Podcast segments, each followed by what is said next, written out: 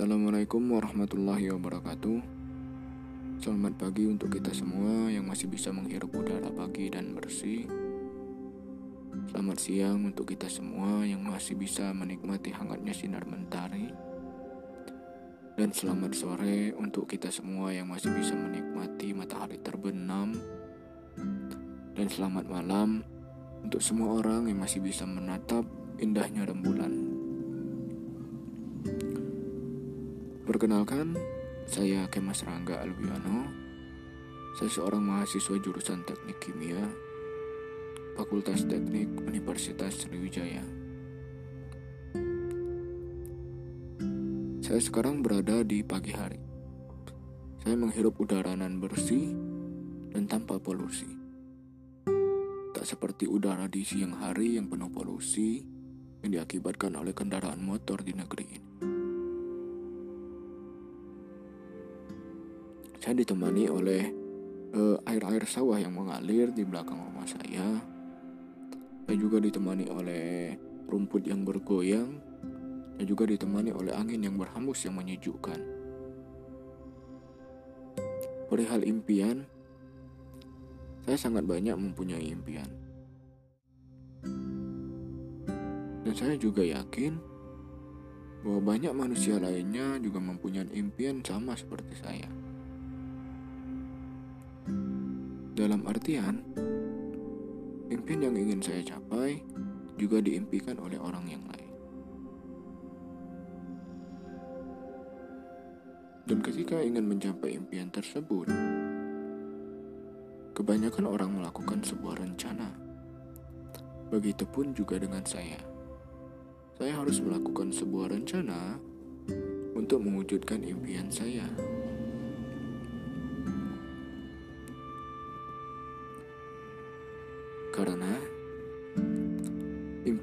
Sebuah rencana bagaikan kita mengaliri sungai, tak akan mengikuti sebuah arus. Dan ketika terjadi sebuah masalah, kita tidak tahu akan berlabuh ke mana. Dengan merencanakan suatu proposal kehidupan, maka kita akan bisa menentukan bagaimana jalannya kehidupan kita. Walaupun sudah ada yang mengatur mengenai takdir kita itu sendiri. Namun tidak ada salahnya untuk kita berencana mengenai kehidupan yang kita impikan. Berbicara mengenai sebuah impian ataupun sebuah proposal kehidupan Rencana kehidupan ini dimulai karena saya pada masa lalu telah banyak sekali mengalami sebuah kegagalan. Saya sedikit bercerita mengenai pengalaman saya. Dulunya, ketika saya masih kecil atau bisa disebut tingkat SMP, saya seorang murid yang dinilai oleh guru dan teman-teman adalah seorang murid yang cukup rajin. Saya selalu mengerjakan tugas, saya tidak pernah mencontek, dan lain-lain. Namun ketika saya berada di SMA, pikiran saya pun menjadi bermasalah. Karena kurangnya pematangan dan saya dalam memilih lingkungan, karena kurangnya pematangan saya dalam merencanakan sesuatu membuat saya terkadang menjadi seorang yang pemalas. Ketika saya di SMA,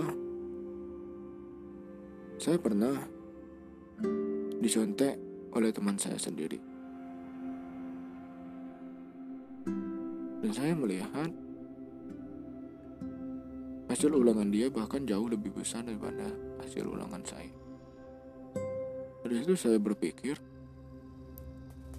untuk apa saya belajar jika hanya dengan mencontek saya bisa meraih nilai lebih daripada saya belajar. Inilah yang menjadi permasalahan bagi saya. Karena sifat ini telah menimbulkan kemalasan bagi diri saya. Hari-hari yang saya lalui ketika bersekolah di tingkat SMA hanya banyak dihabiskan oleh main-main semata. Jarang sekali saya habiskan waktu untuk belajar dan mengikuti lomba. Memang ada lomba yang pernah saya ikuti, Namun beberapa lomba tersebut hanya mengalami sebuah kegagalan karena kemalasan saya sendiri. Berkaca dari itu semua, tidak menyesali apa yang telah saya lakukan tersebut. Karena itu merupakan suatu kesalahan sendiri bagi saya dan harus segera saya lupakan. Dan ketika itu, ketika saya hampir tamat dari tingkat SMA, saya banyak menonton video motivasi terkenal dari beberapa institusi misalnya Indra Sugiarto, Maria Teguh, Mary Riana, dan uh, motivator lainnya. Saya mendapat banyak hal ataupun pengalaman mengenai arti pendidikan bagi seseorang seharusnya. Dulunya saya berpikir bahwa pendidikan itu hanyalah sebuah angka. Namun sekarang setelah saya melihat motivasi tersebut, saya berpikir bahwasanya pendidikan itu adalah sebuah ilmu yang harus dimanfaatkan untuk menolong sesama. Dalam artian, pendidikan atau ilmu yang kita dapat haruslah mempunyai manfaat untuk kita sendiri dan juga orang lain. Dari sini saya belajar bahwasanya tidak masalah nilai kita menjadi kecil, asalkan ilmu yang kita dapat menjadi maksimal. Saya juga belajar untuk membantu orang, mengajarkan orang sebuah e, persoalan, jadi sebuah wadah saya untuk mendapatkan pahala dari Allah Subhanahu wa taala.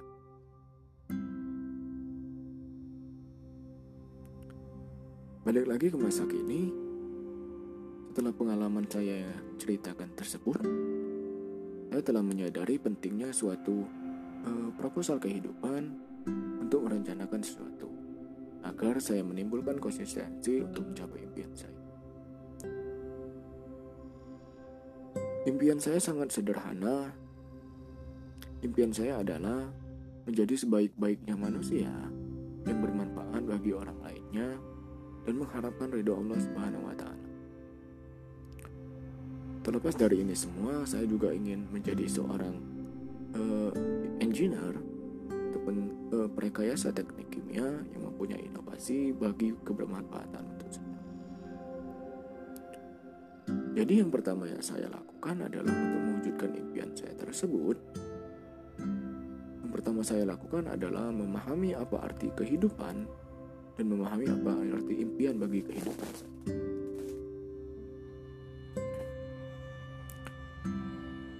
Yang saya lakukan adalah dengan menanamkan pertanyaan-pertanyaan kepada diri sendiri. Adapun pertanyaan yang saya tanyakan adalah yang pertama, saya menanyakan kepada diri sendiri, apakah makna hidup bagi saya sendiri? Ketika saya telah men, uh, ketika telah saya, saya telah menjawab pertanyaan tersebut, maka saya akan mempunyai tujuan Kenapa saya harus hidup? Selanjutnya adalah siapakah yang disebut dengan hidup?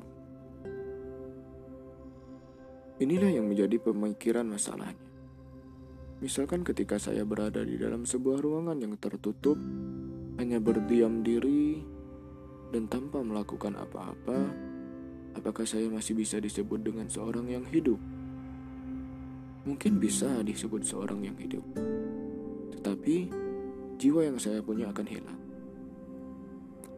Ketiga adalah apa sebenarnya tujuan kita hidup? Mengenai pertanyaan ini saya tanyakan kepada dalam diri saya sendiri dan mencari tahu apa saja sih tujuan sebenarnya saya hidup. Dan saya dapatkan melalui agama saya. Yang terakhir adalah bagaimana kita menjalani sebuah kehidupan. Bagaimana kita menjalani sebuah kehidupan adalah proposal kehidupan kita. Bagaimana caranya kita mencari sebuah impian adalah bagaimana cara kita menjalani kehidupan itu sendiri. Oke, yang saya akan lanjutkan selanjutnya adalah saya menetapkan visi saya. Dalam mencapai suatu tujuan, saya harus mempunyai visi untuk mewujudkan tujuan tersebut dan didukung oleh misi-misi yang akan saya laksanakan nantinya. Yang selanjutnya adalah saya menanamkan akhlak dan moral. Karena menurut saya, orang-orang yang mempunyai kinerja yang baik dan juga potensi bakat yang baik, jika dia tidak mempunyai akhlak dan moral, maka dia tidak bernilai bagi saya. Yang selanjutnya yang saya lakukan adalah saya membuat sebuah talent mapping. Talent adalah sebuah kumpulan bakat yang umumnya dimiliki oleh semua orang. Yang mungkin bisa berisi kecerdasan berpikir, komunikasi, analisa, dan lain-lain. Ketika saya telah mempunyai uh, talent map ini, maka saya akan mengenali potensi dari dalam diri saya dengan dikenalinya potensi dalam diri saya, saya akan menentukan ke manakah langkah saya akan berlabuh. Selanjutnya, yang saya akan lakukan adalah membangun sebuah kebiasaan positif terkait dengan talent mapping saya. Saya tertarik dengan pembicaraan yang pernah ada ataupun artikel yang pernah saya baca bahwasanya Kesuksesan kamu ke depan tergantung apa kebiasaan kamu pada hari ini.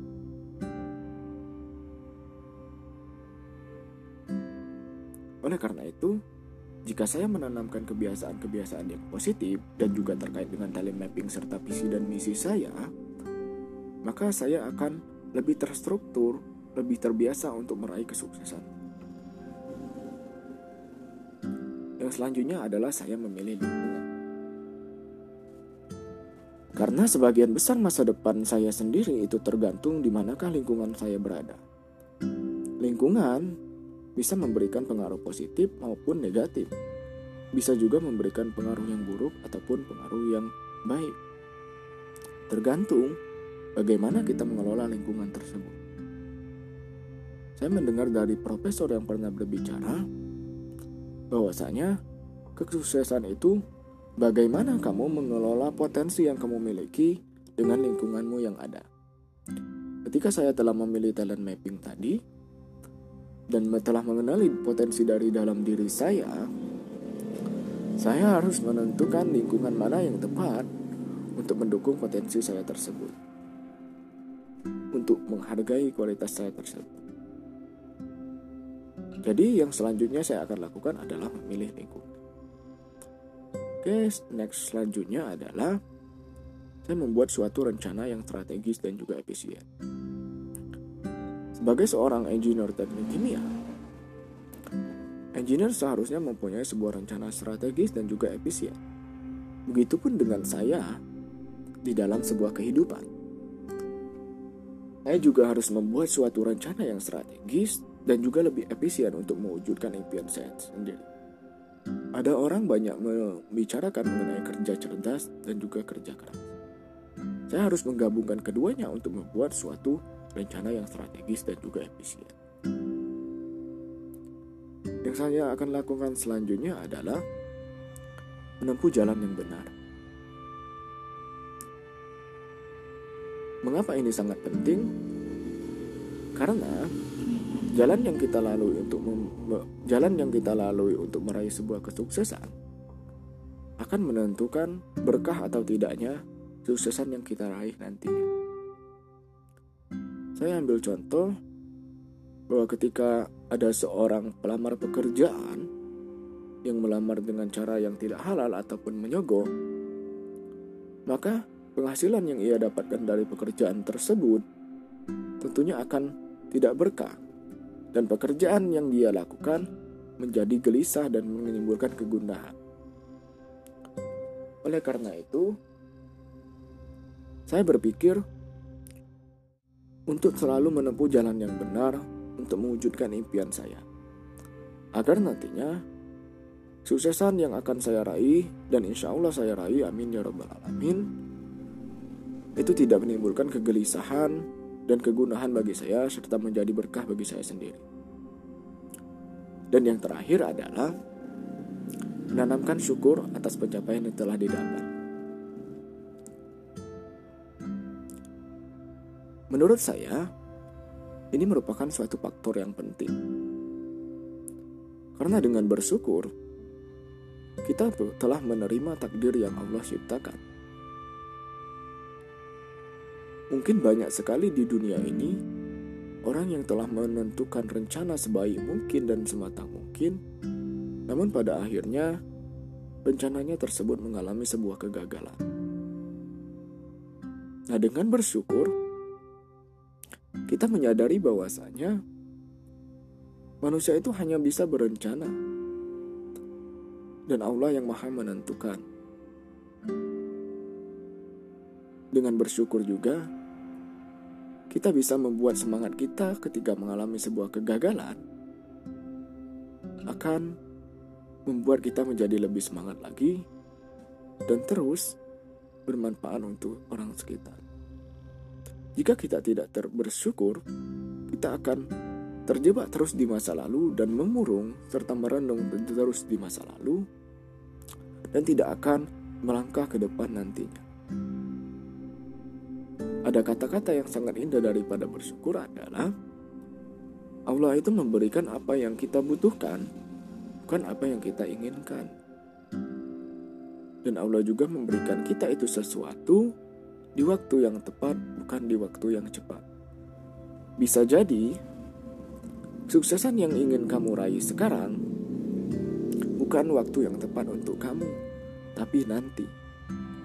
Karena rezeki orang itu sudah diatur oleh Allah.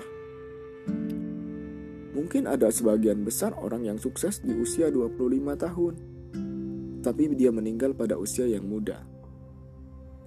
Namun ada juga orang yang sukses di usia 40 tahun, tapi dia mempunyai umur yang panjang. Oleh karena itu, kita tidak bisa memaksakan sebuah takdir, karena kita hanyalah sebuah perencana, dan sebaik-baiknya rencana adalah rencana Allah Subhanahu wa taala.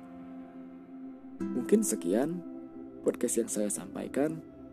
Eh, terima kasih banyak atas kesempatannya. Mungkin bagi kalian para pendengar, kiranya bermanfaat silakan diambil dan kiranya buruk silakan dibuang. Terima kasih. Saya Kemas Rangga Alwiono. Sampai jumpa di podcast saya selanjutnya. Assalamualaikum warahmatullahi wabarakatuh. thank you